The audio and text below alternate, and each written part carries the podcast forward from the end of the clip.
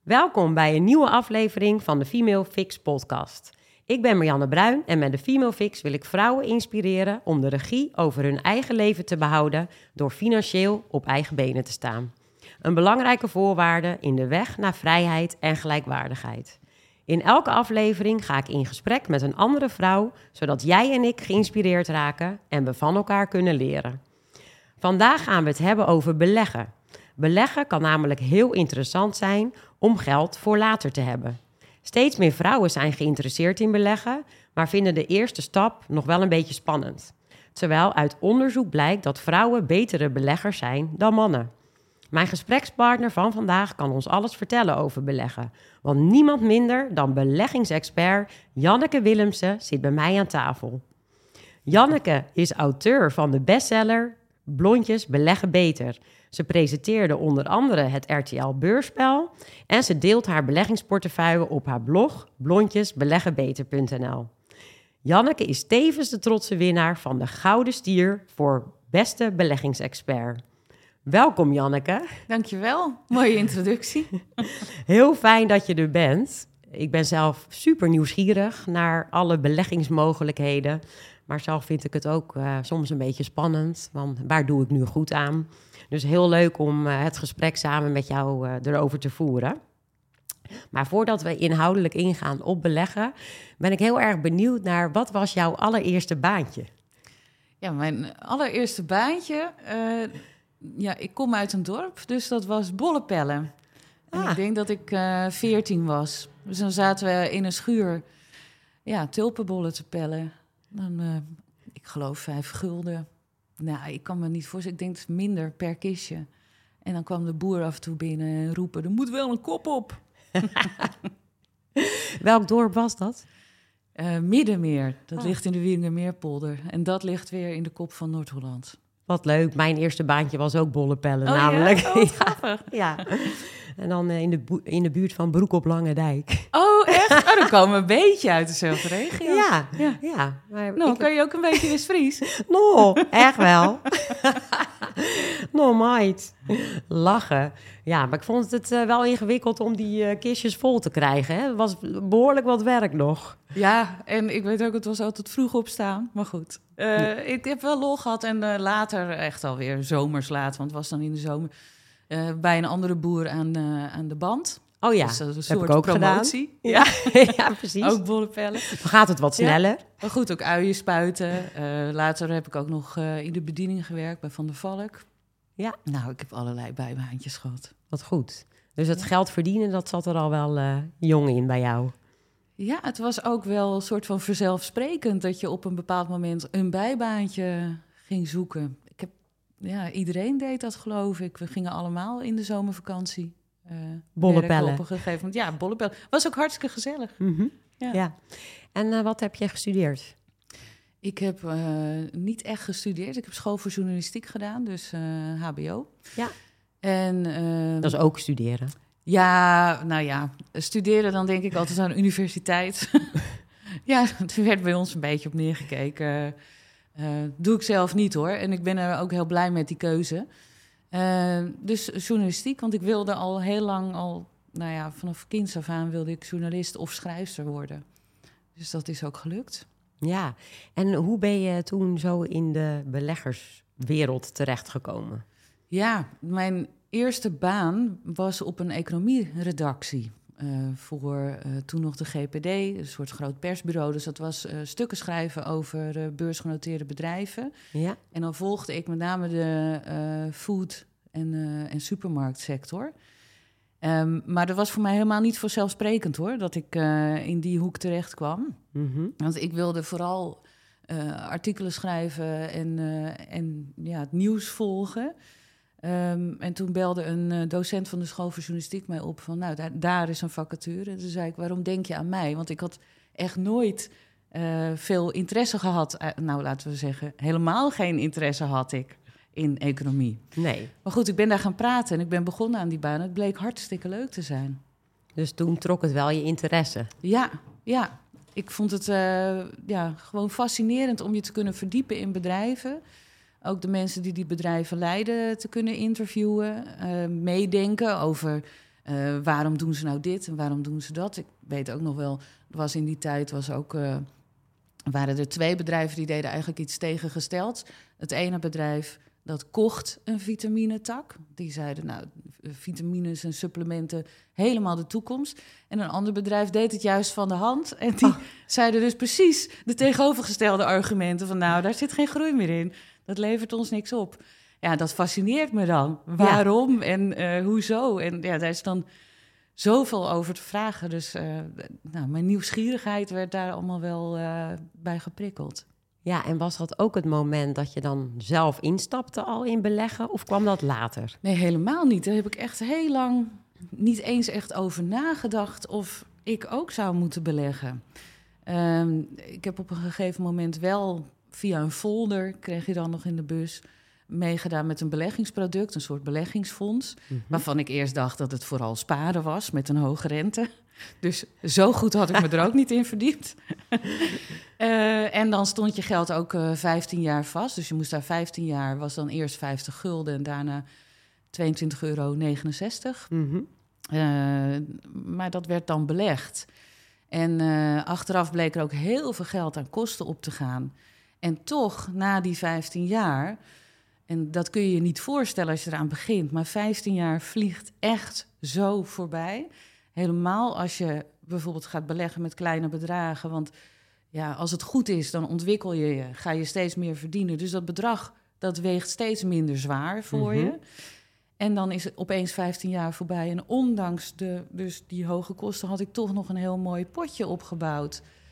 En toen begon ik wel een heel klein beetje na te denken van... oh, misschien had ik het met meer moeten doen. Mhm. Ja, precies, want je ging meer verdienen... maar je kon dan niet uh, meer bij gaan leggen. Oh, dat kan ik me helemaal niet meer herinneren. Want ik heb daar nooit naar gekeken. Nee. Nee. Oh, dus toen werd je eigenlijk getriggerd van... hé, hey, dit kan interessant zijn. Ja, en maar nog steeds niet om zelf te beleggen, hoor. Kijk, mhm. op een gegeven moment, na allerlei verschillende banen... Uh, presenteerde ik een programma op internet... Uh, waarbij ik dagelijks beursexperts interviewde. En uh, toen ging het echt heel diep over beleggen zelf. Dus wat moet je kopen? Uh, wat verwachten zij waar de beurs heen gaat? Uh, nou, wat zien zij als grote kansen? Mm-hmm. En bedreigingen natuurlijk. Ja. En ik dacht, ja, om nou te weten van... we maakten het voor beleggers. Dus mensen die echt zelf uh, aan het roer zitten. Um, aan het roer staan. En ik dacht, als ik nou zelf ook ga beleggen, dan weet ik een beetje wat er door een belegger heen gaat en waar je tegenaan loopt. En kan ik betere vragen stellen. Ja. Dus toen ben ik echt ook zelf begonnen met beleggen, op een, een beleggingsrekening geopend en ben ik zelf een beetje gaan prutsen met, uh, nou, toen nog 300 euro. En toen deed ik maar wat hoor. Ja. Ik volgde gewoon tips op, maar zo is het bij mij eigenlijk begonnen. Ja, en je begon dus wel gelijk actief te beleggen, want je stond zelf aan het ja, roer. Ja, want ik had geen idee joh, dat er nog meer uh, te koop Mogelijkheden waren. Ja, precies. En dus uh, je bent toch altijd uh, in de economische hoek dus blijven hangen met je werk. trof je een mannenwereld aan? Ja, ik heb eigenlijk altijd met bijna alleen maar mannen gewerkt. Dus um, ik ben uiteindelijk de laatste paar jaren in loondienst werkte ik voor een website. Daar was ik mhm. hoofdredacteur van, ja. een beleggerswebsite. En uh, nou, toen hebben we wel eens een vrouwelijke stagiair gehad. Maar dat was het in het team dat wij hadden. Dus het waren alleen maar mannen. Ja. ja dus ik ben wat dat betreft niet anders gewend. Nee. nee. En viel het je soms op dat je dacht... hé, hey, waarom ben ik hier nou eigenlijk de enige vrouw? Of vond je dat normaalste zaak van de wereld? Ja, ik heb daar heel lang geen vraagtekens bij gezet. Uh, en ook altijd gedacht, als het bijvoorbeeld gaat over mannen en vrouwen en samenwerken, uh, van ja, nou ja, het is allemaal gelijk en iedereen kan evenveel. En uh, het ligt aan jezelf hoe ver je komt. Mm -hmm. Ik ben pas later me gaan realiseren dat er toch wel af en toe verschillen zijn in, nou ja, bijvoorbeeld als ik iets op een duidelijke manier zeg, dan wordt het al gauw gezien als van ho, ho, ho, mevrouwtje, uh, wat ben jij emotioneel? En als een man dat met dezelfde, in mijn ogen, intonatie doet, dan uh, is die lekker duidelijk. En dan weet hij wat hij wil. Ja, dus daar ben ik me wel, uh, maar pas in de loop van de jaren. Ja. eh, bewust van geworden. Herkenbaar. En pas als je je bewust bent, dan zie je het ook. Hè? Ja. Dan gaat het opvallen. Nou, en het erg is, je doet er zelf aan mee. Hè? We hebben allemaal toch, eh, als een vrouw iets doet, dan komt het anders over. Of je, je ontvangt het anders dan wanneer een man iets doet. En dat heeft met, allemaal met onze eigen vooroordelen te maken. Ja. Ja, Ja, en tradities die ingesleten zijn en de opvoeding en Ja. de sociale druk. Eh, wij komen dus allebei uit eh, West-Friesland. ja, Lekker nuchtere opvoeding, gewoon hard werken, je bewijzen. ja. Het- dat heb ik zelf ook altijd gedaan, totdat je inderdaad wat dingetjes gaan opvallen. Ik, ik kreeg toen kinderen en opeens merkte ik dat ik toch anders werd eh, bekeken. Dat ze dachten, hoe lang gaat ze het hier nog volhouden op de werkvloer? ja. En toen voelde ik, oeh, als vrouw word je toch eh, anders Ja. beoordeeld. Ja, en daar hoeven we niet zielig over te doen. Maar het is wel goed om je er bewust van te zijn. Want, ehm, en ik denk dat dat dan toch wel weer een vrouwending is... dat wij veel langer blijven nadenken en piekeren over bepaalde dingen. En eh, soms komt het gewoon niet door jezelf, maar toch voor een deel omdat je een vrouw bent. Ja, Ja, zo is het. ja. Nou ja, hè, hopelijk eh, eh, kunnen wij iets aan die gelijkwaardigheid gaan doen hè, komende Nou, jaren. zou mooi zijn. Ja, door zelf aan die bewustwording te werken. Eh, vandaar ook deze podcast. En ehm, daarom hebben we dus ook over beleggen. Want als je naar de cijfers kijkt, hè, dan zie je dus dat één op de vijf beleggers vrouw is.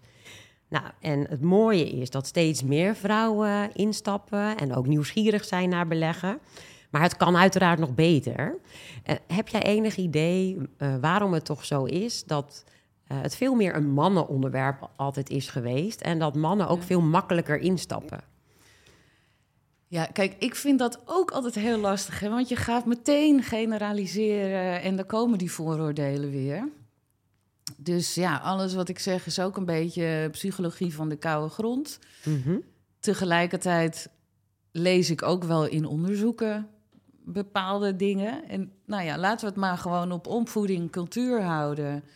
Eh, dat eh, vrouwen toch veel langer over zaken nadenken en twijfelen. En meer behoefte hebben aan eh, bijna totale zekerheid voordat ze een stap gaan zetten. Mhm. Waar mannen heel snel denken: oh, dat doe ik wel even. Of ik waag een gokje en ik zie het wel. Ja. Eh, die, die, die nemen die stap gewoon uit zichzelf kennelijk al eerder. Misschien is dat ooit aangemoedigd. Dat weet ik eh, niet, hoe dat nou precies ontstaat. Maar dat is wel het grote verschil tussen mannen en vrouwen. Dus Ja. misschien heb je dat voorbeeld ook wel eens eh, gehoord. Van als er een vacature in de krant staat, of krant, online tegenwoordig, hè? Tien vacature-eisen. En eh, een man kijkt ernaar, eh, of nee, een vrouw kijkt ernaar. En eh, nou, één van die tien eisen, nou, daar voldoet ze niet helemaal aan. Dan denkt ze, nou, dat heeft geen zin om te reageren. En een man ziet diezelfde vacature en is bijvoorbeeld maar op één van de tien geschikt. En die denkt, nou, Oh. ik kan altijd even een briefje schrijven. Precies. En ik word vast uitgenodigd. ja. Kan ik wel. ja. Ja. En vrouwen denken veel eerder, kan ik niet. Ja. Dat klopt natuurlijk niet. Nee, dus het heeft met zelfvertrouwen enigszins te maken. En wellicht ook wel met hormonen. Hè? Mannen hebben gewoonweg meer testosteron.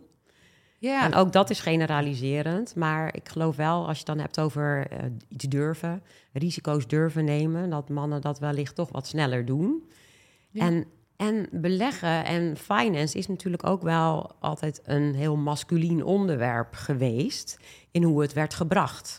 ja, ja. Ja, Mannen zijn toch eh, ja, wel wat analytischer, eh, vaak toch wat beter in, eh, in wiskunde. Vanuit het verleden. De man was ook verantwoordelijk hè, voor, het, voor de precies. Maar financiën. jij schrijft ook in je boek over die tekeningsbevoegdheid van vrouwen. Hè? Die pas heel laat mochten vrouwen zelf ergens voor tekenen. En anders Exact. moest de man altijd mee de beslissing nemen en belangrijke documenten ondertekenen. Dus het is ook waar zijn we aan gewend. Eh, dus, dus kennelijk waren het altijd mannen. Dus ja, dan ontstaat er een bepaalde manier van eh, praten over Ja. zaken, tuurlijk. Ja, en Ja. ook eh, in de communicatie aanpakken. Hè? Dus hoe breng je het dan als bank Ja, of als verzekeringsmaatschappij? Ja, dan richt je je toch sneller op degene die het ook altijd regelde en deed. ja, maar ja, dat was ook je doelgroep. Want vrouwen, vrouwen deden het ook heel lang niet. Nee, Hè, de man was verantwoordelijk voor geldzaken. En een vrouw, nou, die mocht dan het spaarpotje met de gleufjes en eh, het weekloon eh, verdelen. Precies. Dat is dan wel heel lang geleden. Maar Mhm. goed, dat is toch... Dat werkt eigenlijk nog altijd door. Ja, dat werkt gewoon systemisch door in Ja. ons. Ja. Maar goed, we zien het dus toenemen. Meer vrouwen slaan aan het beleggen. Ehm, we weten ook uit onderzoek dat vrouwen er eh, beter in zijn, gemiddeld genomen. Ja. Ehm, eh, hoe kan dat? Ja, er zijn een paar eh, verklaringen of een paar kenmerken die vrouwen eh, wel toepassen en mannen niet of beter toepassen. Ja. Vrouwen die handelen bijvoorbeeld minder. Dus het is bij beleggen zo, als je iets koopt of verkoopt, dan betaal je daar vaak kosten voor. En ja, die kosten die nemen natuurlijk een hap uit je rendement. Want eerst moet dat weer goed gemaakt worden voordat je op winst staat. Nou, hoe vaker je handelt, hoe hoger die kosten. Ja. Nou, mannen zijn vaak gericht op veel handelen en snel overal op inspringen. En ik zie het vast goed en ik moet nu dit aandeel kopen. Oh nee, ik moet het nu verkopen. Waar vrouwen langer nadenken voordat ze iets gaan kopen of verkopen. En eh, dus sowieso minder die kosten al maken. Mhm. Eh, langer vasthouden. En hoe, langer je iets vasthoudt, hoe meer ook eh, het, het, lange termijn, het rente-op-rente effect in je voordeel gaat spelen. Dus dat telt ook mee. Ja, vrouwen mijden wat meer risico, maar dat zit eigenlijk ook al in dat nadenken en beter je huiswerk doen. Ehm, minder emotioneel. En weet je ook dat eigenlijk toch dat, dat meer risico of meer handelen. Eh, daar zit ook in dat eh, hoe vaker je natuurlijk een beslissing neemt om iets wel of niet te doen, Mhm. hoe vaker je ook fout kan zitten. Absoluut. Dus ja, dan zit je er vaker naast dan iemand die eh, nou ja, goed gespreid en, en lang iets vasthoudt. Ja. ja, en dan heb je natuurlijk ook nog verschillende risicoprofielen waarin je kan beleggen. Ik kan me voorstellen dat vrouwen wellicht ook iets defensiever beleggen. Als ze een profiel kiezen. Nou, dat weet ik eigenlijk niet zeker. Maar dat, hè, dat is wel een beetje de tendens die eh, uit die onderzoeken blijkt. Tegelijkertijd merk ik nu wel van.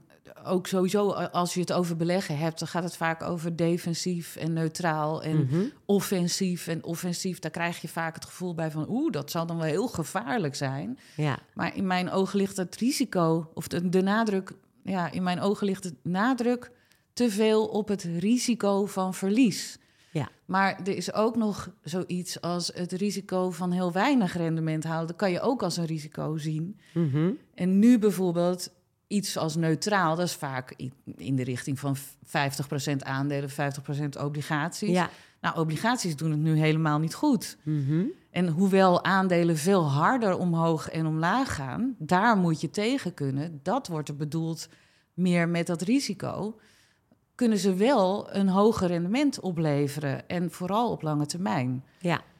Dus ik weet niet of ik dit nog duidelijk uitleg, maar Jawel, jawel. Kijk, en het risico op verlies, daar zijn we ook veel vatbaarder voor. Hè? Dat vinden we veel enger om geld te verliezen. ja, Eh, dat voel je direct in je portemonnee. En als je maar iets minder winst hebt, Ja. hè, dan is dat leuk, Ja. maar iets minder belangrijk. Eh, en als je nou kijkt naar eh, vermogen nu eh, versus vermogen voor later, eh, ook weten we dat vrouwen veel minder pensioen opbouwen. Ik las laatst dat dat gemiddeld 400 euro per maand minder is ten opzichte van Zo. mannen. ja. Dus dat is niet generaliserend, dat is gewoon een feit. Dus we moeten er echt wel met elkaar over gaan nadenken. Hoe kun je dus dat potje voor later gaan opbouwen? precies. Want dat eh, pensioen alleen dekt het niet. Dus Nee. hoe gaan we dat dan doen? En dan is dus beleggen echt wel een heel, kan een hele goede optie zijn. Ja, en daarbij denk ik dat het dus belangrijk is dat je weet dat risico betekent niet, hoog risico betekent niet een eh 100% kans op al je geld eh, door het putje spoelen. Mhm. Het betekent dat als eh, dat in een langere periode dat die koersen veel meer omhoog en omlaag kunnen dan andere beleggingen. En de tip daarbij is, is dat als je gaat beleggen, dat je het voor de lange termijn gaat doen en goed gespreid.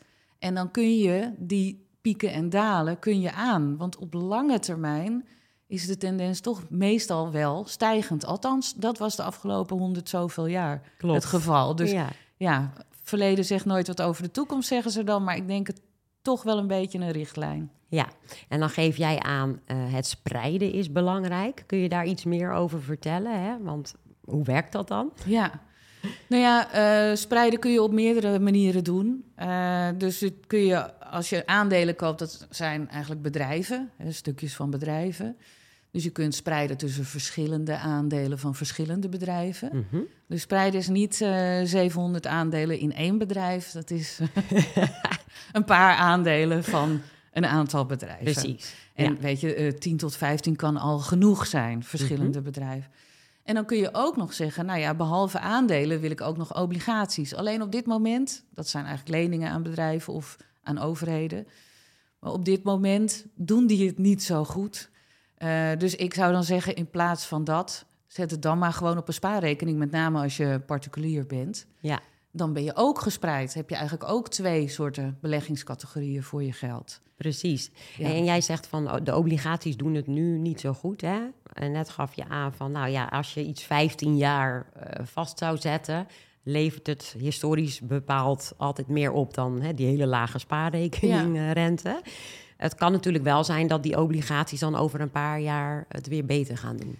Ja, dat kan. En dat is ook het punt met beleggen, is dat is ook gewoon niet te voorspellen. Want alle experts, de theorie was altijd, ja, nee, maar obligaties, dat is wel veilig en rustig omhoog. Mm -hmm. Maar dat had ook niemand verwacht dat er nu zo'n periode zou zijn waarin ze eigenlijk ook in sommige gevallen negatieve rendementen opleveren.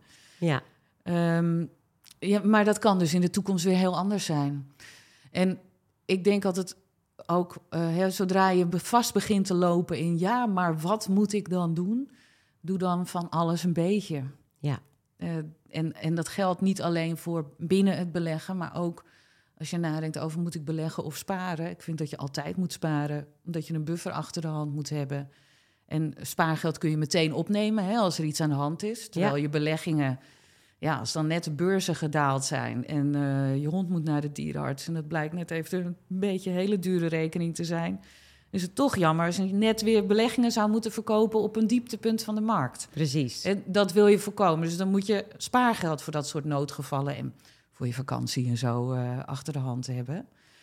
Um, en dus, dus dat, daar, op dat vlak zeg ik ook van je moet het eigenlijk allebei doen. En sommige mensen vinden het fijn om een hypotheek af te lossen of deels af te lossen. Nou, kan je ook een beetje doen. Je moet jezelf niet vastzetten in, oh, moet ik nu al mijn geld in een hypotheek? Of al mijn geld op een spaarrekening of al mijn geld beleggen? En binnen die categorieën geldt dat natuurlijk ook weer, vooral ja. binnen beleggen. Niet al je geld in één aandeel. Absoluut. Ja, ik zeg ook altijd, eigenlijk heb je de 50, 30, 20 re regel. Dat de 50% is voor hè, je hypotheeklasten en voor eigenlijk je maandelijkse uitgaven, abonnementen, verzekeringen. Uh, 30 of 20 procent is om leuke dingen mee te doen. En die andere 20, 30 procent, nou, dat is voor een buffer voor later op te bouwen. En dat doe ja. je sparen, beleggen. En dan misschien een klein percentage uh, spelen. Hè? Want ja, zoals crypto, nou ja, we kunnen het er even over hebben. Uh, is natuurlijk super risicovol, heeft nog geen historie. Waarbij je zou kunnen zeggen, als je het zo lang vastzet, hè, dan ja. levert het je iets op. Maar ja, ik vind het wel leuk om, om het een beetje in de gaten te houden en er een beetje mee te spelen. Ja. Met ja. een heel klein bedrag. Ik vind het wel uh, leuk om in de gaten te houden, maar ik merk dat spelen, dat uh, trekt mij dan helemaal niet op het gebied van crypto. Maar als iemand anders dat leuk vindt, mm -hmm. uh, vooral doen. Ja. Um, maar inderdaad, altijd met een klein beetje van je geld. Want dat is, dat is nou echt wel risicovol met een grote kans op winst, maar ook een grote kans op, op verlies. Op veel verlies. dat is eigenlijk een, ja. nog veel grotere kans. Ja, precies.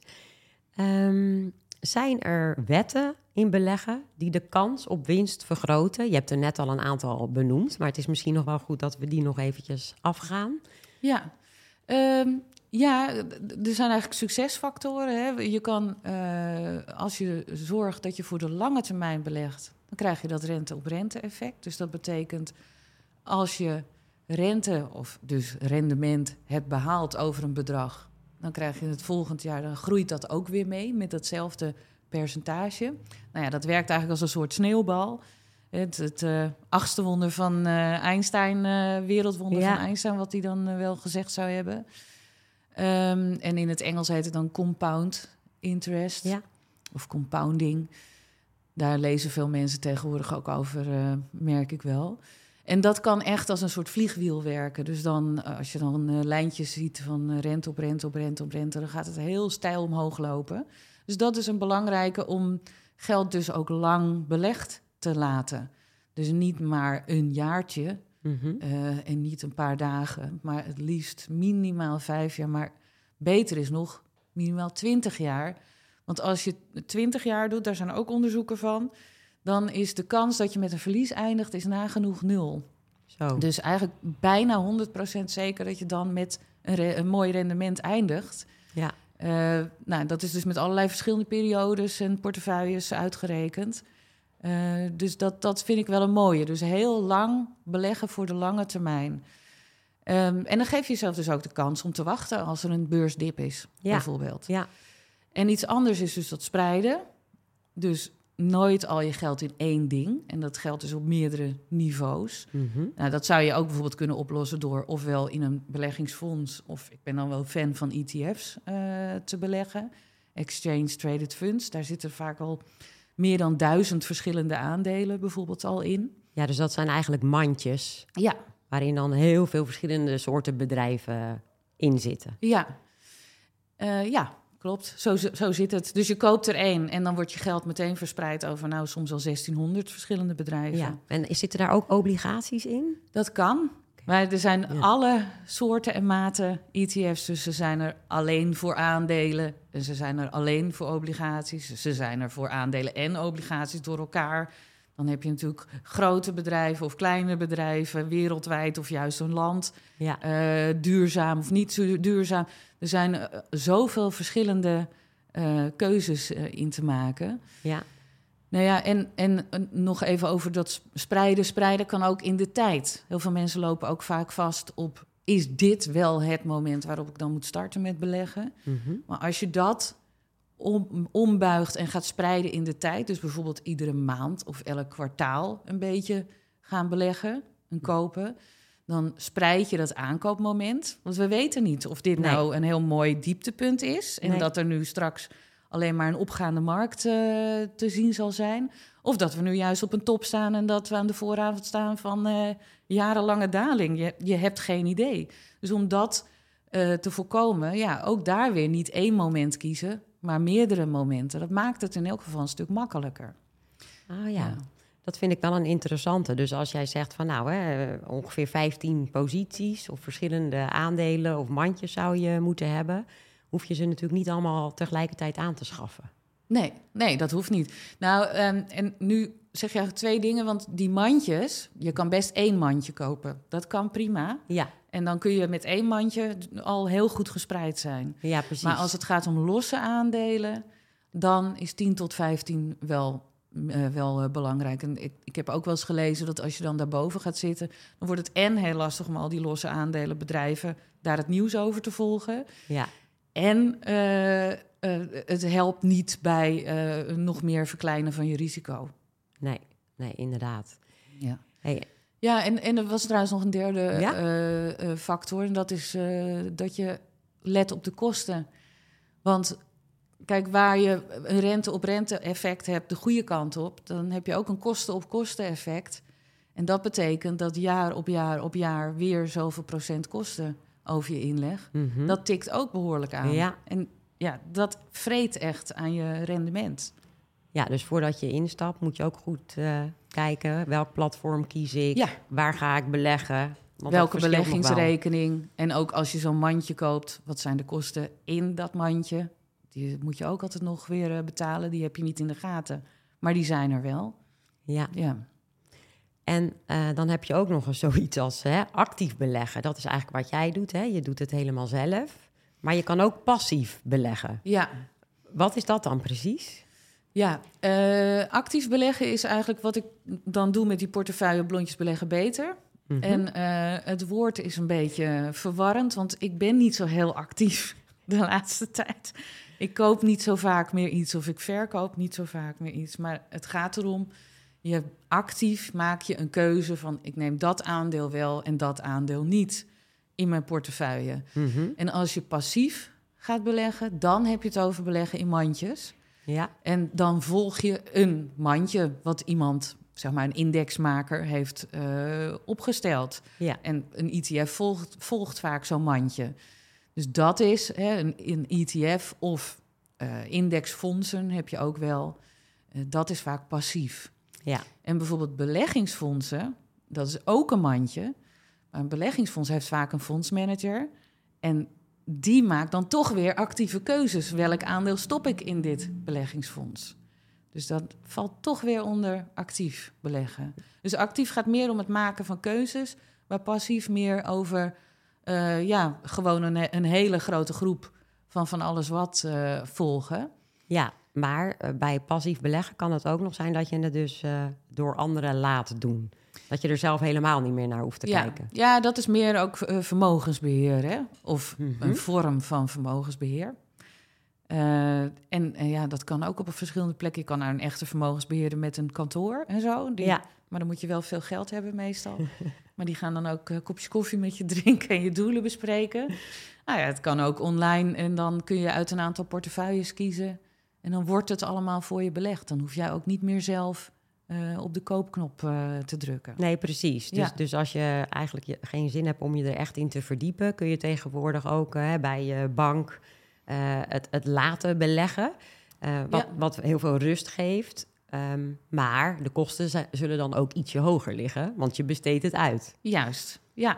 Ja, ze moeten toch ergens aan verdienen. Als jij het niet zelf gaat doen en iemand anders gaat dat doen, dan ga je daar wel voor betalen, ja. Ja, Ja, En, en wat ik ook wel een ehm, misvatting vind, eh, vaak denken mensen dat je echt met grote bedragen moet beleggen. Maar tegenwoordig kun je al best wel met lage bedragen instappen. Hè? ja. ja. En kun je ook automatisch dat je zegt, eh, nou als mijn salaris binnen is, eh 200 euro eh, ga ik dan inleggen in mijn beleggersrekening. Ja, ja.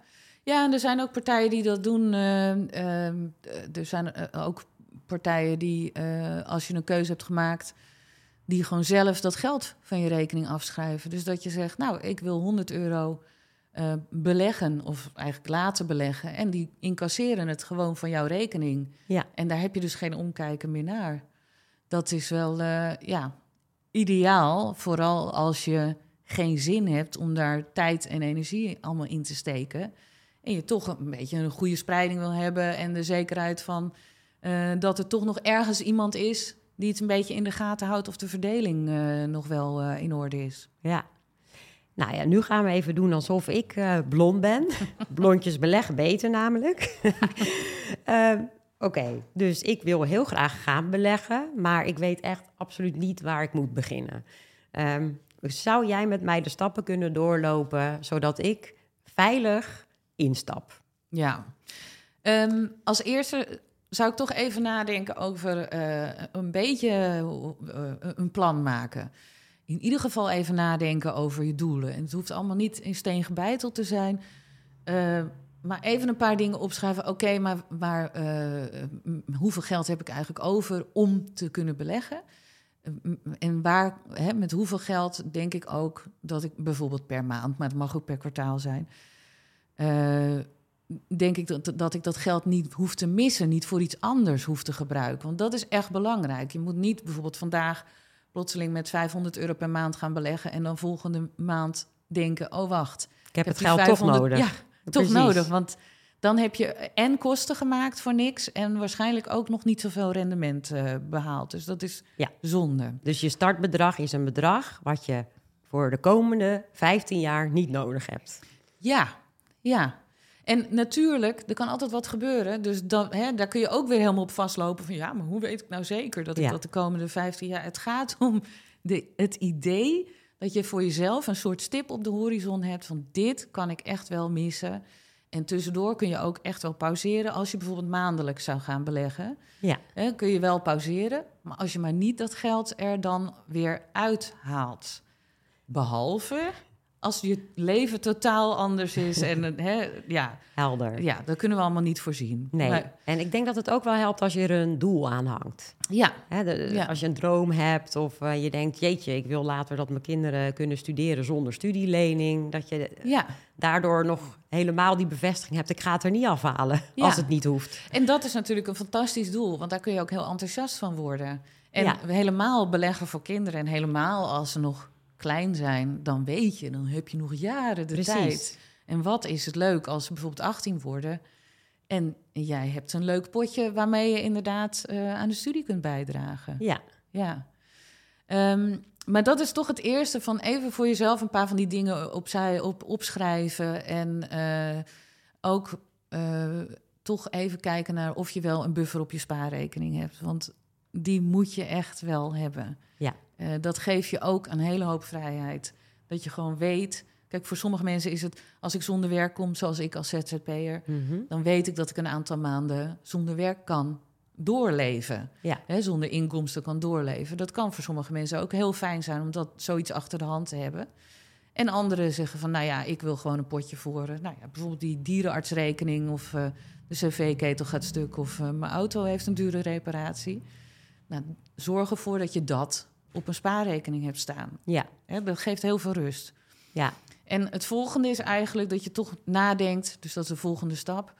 Nadenkt of jij eh, er zelf de hele tijd aan de knoppen wil zitten en zelf aandelen wilt gaan selecteren. Of dat je zegt, nou ik vind het eigenlijk toch makkelijker om het eh, via zo'n rekening te doen waar ze het automatisch kunnen afschrijven. ja, Want dat is iets duurder, meestal.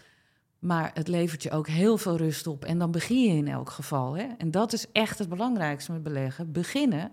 Want je inleg van vandaag, die heeft nog het langste tijd om aan te groeien en te profiteren van dat rente-op-rente effect. absoluut. Dus zelfs als jij net werkt hè, Ja. en je kan al een bedrag missen en je hebt dus een buffer voor die korte termijn, het liefst uh, geeft niemand aan, is dat ongeveer een half jaar overbruggen. Dus dat je een half jaar gewoon kan leven als je je baan verliest. Ja, oh ja. Um, en je hebt dan uh, 100 euro of 50 euro over. Begin gewoon met beleggen. ja dat is eigenlijk wat je gewoon. aangeeft. Ja. En dan komen mensen vaak terecht bij van uh, welke rekening moet ik dan openen? En nou, er zijn broker-vergelijkers. Dat is voor als je, dat kun je gewoon googlen, broker vergelijken. Dat zijn de beleggingsrekeningen voor als je het echt helemaal zelf wil doen. Mm -hmm. Uh, en soms komen er in dat soort modules uh, ook nog wel andere rekeningen naar boven. En vind je dat nou te veel gedoe? Ook je eigen bank heeft gewoon een beleggingsrekening. Ja. En die zijn vaak ietsjes duurder. Maar ook daar vind ik weer, ja, je kan je daar helemaal in vastdraaien. Maar als het jou nou een goed gevoel geeft om gewoon lekker je overzicht met je beleggingsrekening en je uh, gewone betaalrekening bij elkaar te hebben. En misschien nog een spaarrekening, je wilt het allemaal bij dezelfde bank.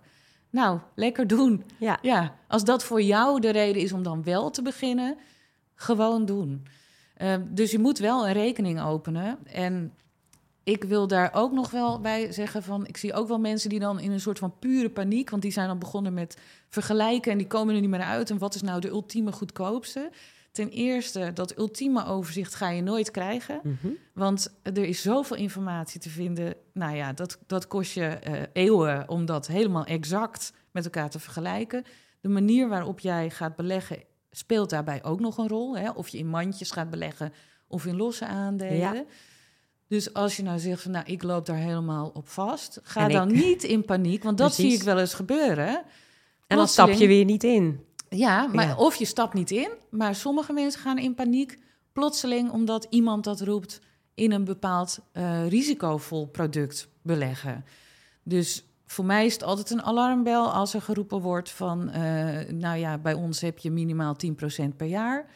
Dat soort dingen. Als een beetje dat de tendens is van een product, doe dat dan gewoon niet. En zorg ervoor dat als je een rekening opent, dat het bij een eh, bank of een broker is die in Nederland ook een vergunning heeft.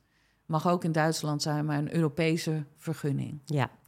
Ja. Dus partijen die communiceren eh, meer dan 10% rendement binnen een jaar. Daar zit toch vaak al een addertje onder het gras. Ja, en als je iets eh, voorbij ziet komen, daar schrik ik ook altijd een beetje van dat iets op Malta of eh, weet ik veel gevestigd is. Dan, uh, waarom zou je daar nou precies je geld naartoe willen brengen? Doe dat gewoon niet. Nee. Nee. En dan? Dan heb ik dus die uh, beleggersrekening geopend. Ja. ja.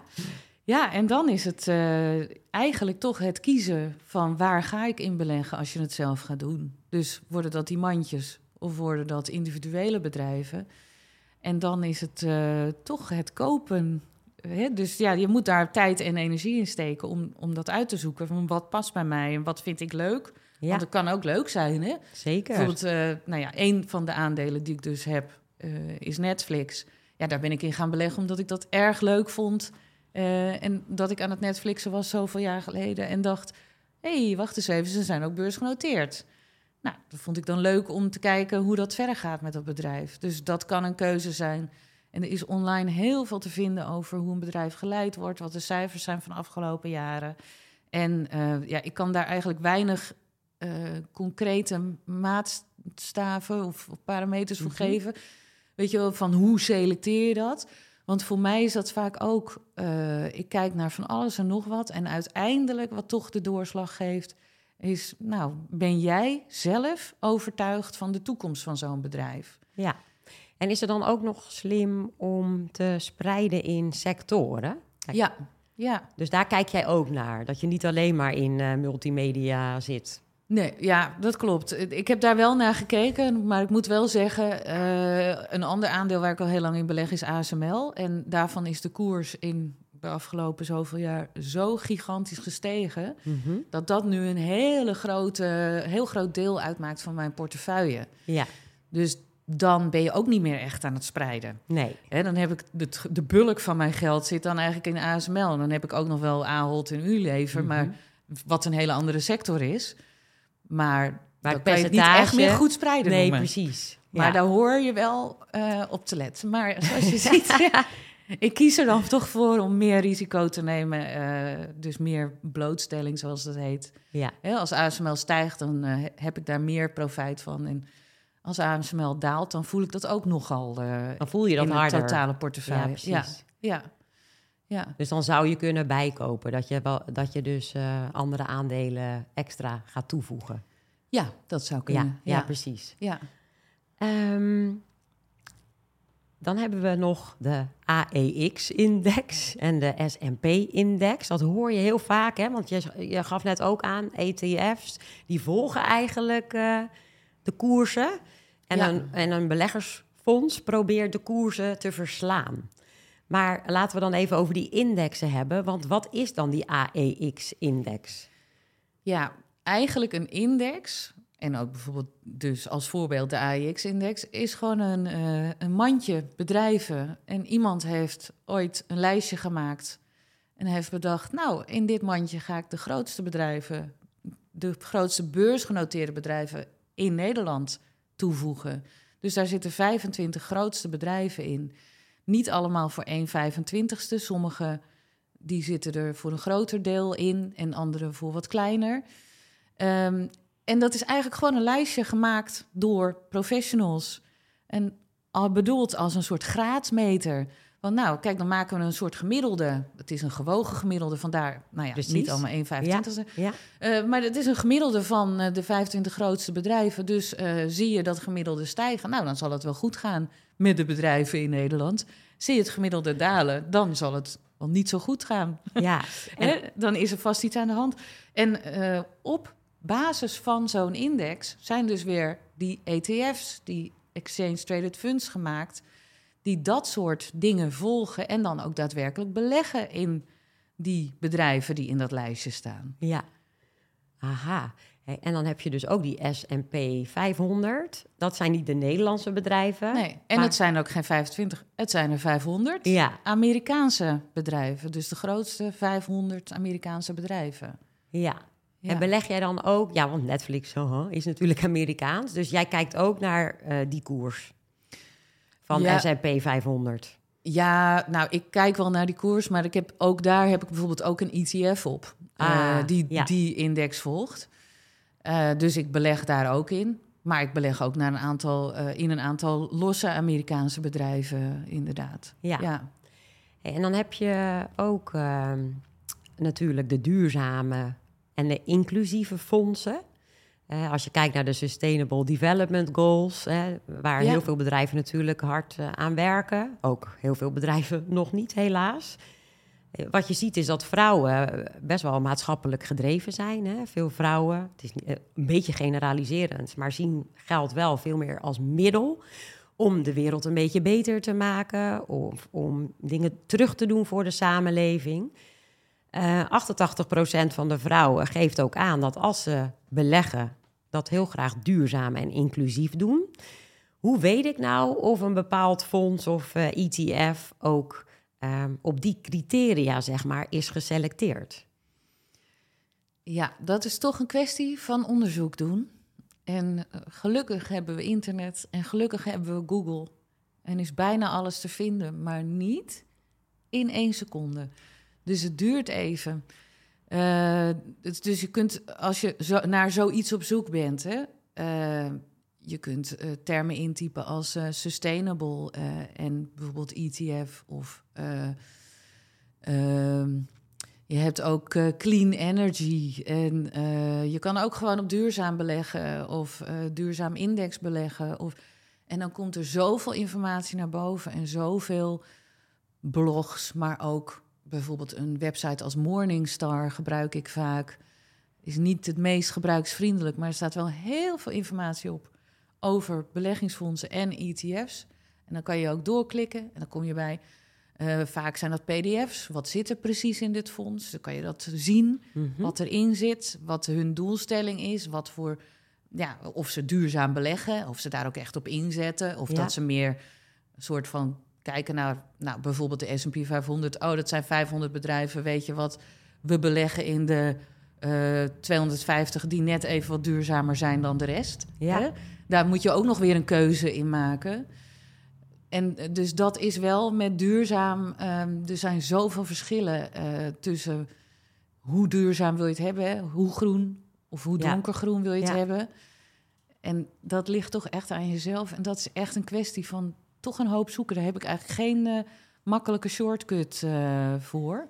Nee, eh, wat ik wel weet is dat je sommige fondsen, die hebben dan ESG aangegeven. En dat is dan Environmental, Social en Govern- Governance. Ehm, nou ja, als die, die claim gemaakt mag worden, dan wordt er dus wel op die drie criteria gelet. Ja, maar het Maar- punt is, Hoe duurzaam is het dan? Want je kan net zo goed Shell is ook Precies, ESG die heeft dat ook. heeft ook een ESG-score. Ja. En dat is het hele ding. Wat wil je? Wil je inzetten op een bedrijf, of eh, sorry, op beleggingen, bedrijven die echt werken aan oplossingen? Ja, Of wil je bijvoorbeeld hè, aan, aan technologie om het milieu te verbeteren of klimaatverandering Mhm. aan te pakken, bijvoorbeeld? Of wil je eh, een bedrijf wat in dezelfde hoek zit, eh, inderdaad eh, eh, vrouwen stimuleren of eh vrouwengelijkheid stimuleren? Of aan de andere kant wil jij gewoon een bedrijf wat wel Wat? ook voldoet aan de ESG-normen? ja nee, klopt. Want die zijn natuurlijk qua bedrijfsresultaten steady. Ja, maar dan kan je dus ook in Shell beleggen. Ja. Dat is het hele probleem. En hoe duurzaam is dat dan? Ja, En precies. sommige mensen vinden dat niet erg, want die zeggen we hebben Shell nodig om bij Ja. te dragen aan de energietransitie. Ja. Ehm, maar als jij zegt nee, want dat is een vervuilend eh, bedrijf. Ja, maar Ja. dat is wel dus goed dat je dat aangeeft. Hè? Want ik kan dan gewoon zeggen van... eh, nou ja, ik weet dat ESG, eh, dat sommige fondsen zo'n vinkje hebben. En dat jij dan zegt van, ja, maar pas op. Hè? Want in hoeverre is het dan ook echt Ja. duurzaam? Ja, ja. Maar liefst 88% van de vrouwen vindt het belangrijk om te beleggen in bedrijven die een bijdrage leveren aan een duurzamere of een inclusievere wereld. Eh, bijvoorbeeld, je hebt nu ook eh, gender equality eh, fondsen. Nou, dat betekent dat het fondsen zijn waarbij 30% van de vrouwen in het bestuur zitten. Minimaal 30%. Ehm, hoe kun je dit soort bedrijven selecteren? Hoe doe je dat? Ja, eh, nou, dat gender equality is inderdaad eh, zoeken op eh, gender equality. Ja. Er zijn verschillende... Ik, ik beleg bijvoorbeeld zelf ook in zo'n ETF... De, die belegt in dat soort bedrijven met veel vrouwen aan de top. Ehm, nou, we hebben ontzettend veel geraakt. En ik heb heel veel weer geleerd. En de oproep eigenlijk die we dus doen is... het is heel erg belangrijk hè, dat je niet alleen maar naar je geld nu kijkt, maar ook naar hè, welk potje bouw jij voor later op. Ja. Nou ja, en daar kan natuurlijk een uh, koophuis uh, in helpen. Uh, hopelijk bouw je ook pensioen op via je werkgever, of doe je dat zelf als je ondernemer bent. Ja, want dat is nog wel, als het mag, even één tip: is dat als je te weinig pensioen opbouwt nu, begin daar dan mee met beleggen op een zeg maar, geblokkeerde pensioenrekening. Want dan heb je ook belastingvoordeel. En dat telt echt heel erg hard uh, mee. Daar heb je echt veel profijt van. Ja, precies. Dus dat is een soort pensioenbeleggen... wat je ook weer vast kan zetten... waar je dus de komende jaren eigenlijk niet aankomt. Nee, want je kan er dan ook niet bij. Dat is wel zo. Dus daar zit echt het doel pensioen bij. Pas op je AOW-leeftijd kan je daar weer aankomen. Ja, dus jij zegt ook van dat is eigenlijk uh, hetgeen wat je sowieso zou moeten doen, eh, helemaal als ondernemer, omdat je dan natuurlijk niet standaard uh, pensioen opbouwt, behalve dan je AOW, die iedereen krijgt in Nederland. Maar dan nog, vrouwen bouwen 400 euro gemiddeld minder pensioen op per maand dan mannen. Dus kijk heel erg goed naar je situatie. Dat als jij over 30, 40 jaar stopt met werken, hè, wat bouw jij dan op? Wat krijg jij dan terug. Hè, van de overheid? En vaak is dat gewoon niet genoeg om hetzelfde leven te kunnen leven als dat je nu doet. Dus hoe jonger je bent, hoe beter het eigenlijk is om al te gaan beginnen met beleggen. Ja, ja. En heb jij daar nou nog wat hulp bij nodig? Want we hebben heel veel geraakt, maar het is natuurlijk best wel even ingewikkeld. En we weten, vrouwen hebben daar vaak nog even een uh, duwtje in de rug bij nodig. Janneke heeft een hele mooie cursus ook ontwikkeld. Dus naast haar boek Blondjes beleggen beter, heeft ze ook een online cursus. En die cursus die heet... Super simpel beleggen. Nou, de naam die zegt het eigenlijk al dus dan kun je online de lessen van Jan gewoon volgen. te vinden op mijn uh, website, Blondjes Beleggen Beter. Ja, ja, dus ga naar de website en als je meer, meer wil weten, doe de cursus en dan uh, ben jij er helemaal klaar voor. Janneke, ontzettend bedankt voor dit gesprek. Veel van, van jou geleerd en uh, Willen jullie nou nog meer weten? Nou ja, dan is er de cursus. En dan is er ook het boek Blondjes beleggen beter. En we hebben natuurlijk ook nog het uh, boek De Female Fix. Nou, als je dat allemaal tot je hebt genomen, dan ben je helemaal klaar om financieel zelfredzaam te worden. En uh, ik wil jullie bedanken voor het luisteren. En jij bedankt, Janneke voor uh, een mooi gesprek. Jij ook bedankt voor de uitnodiging.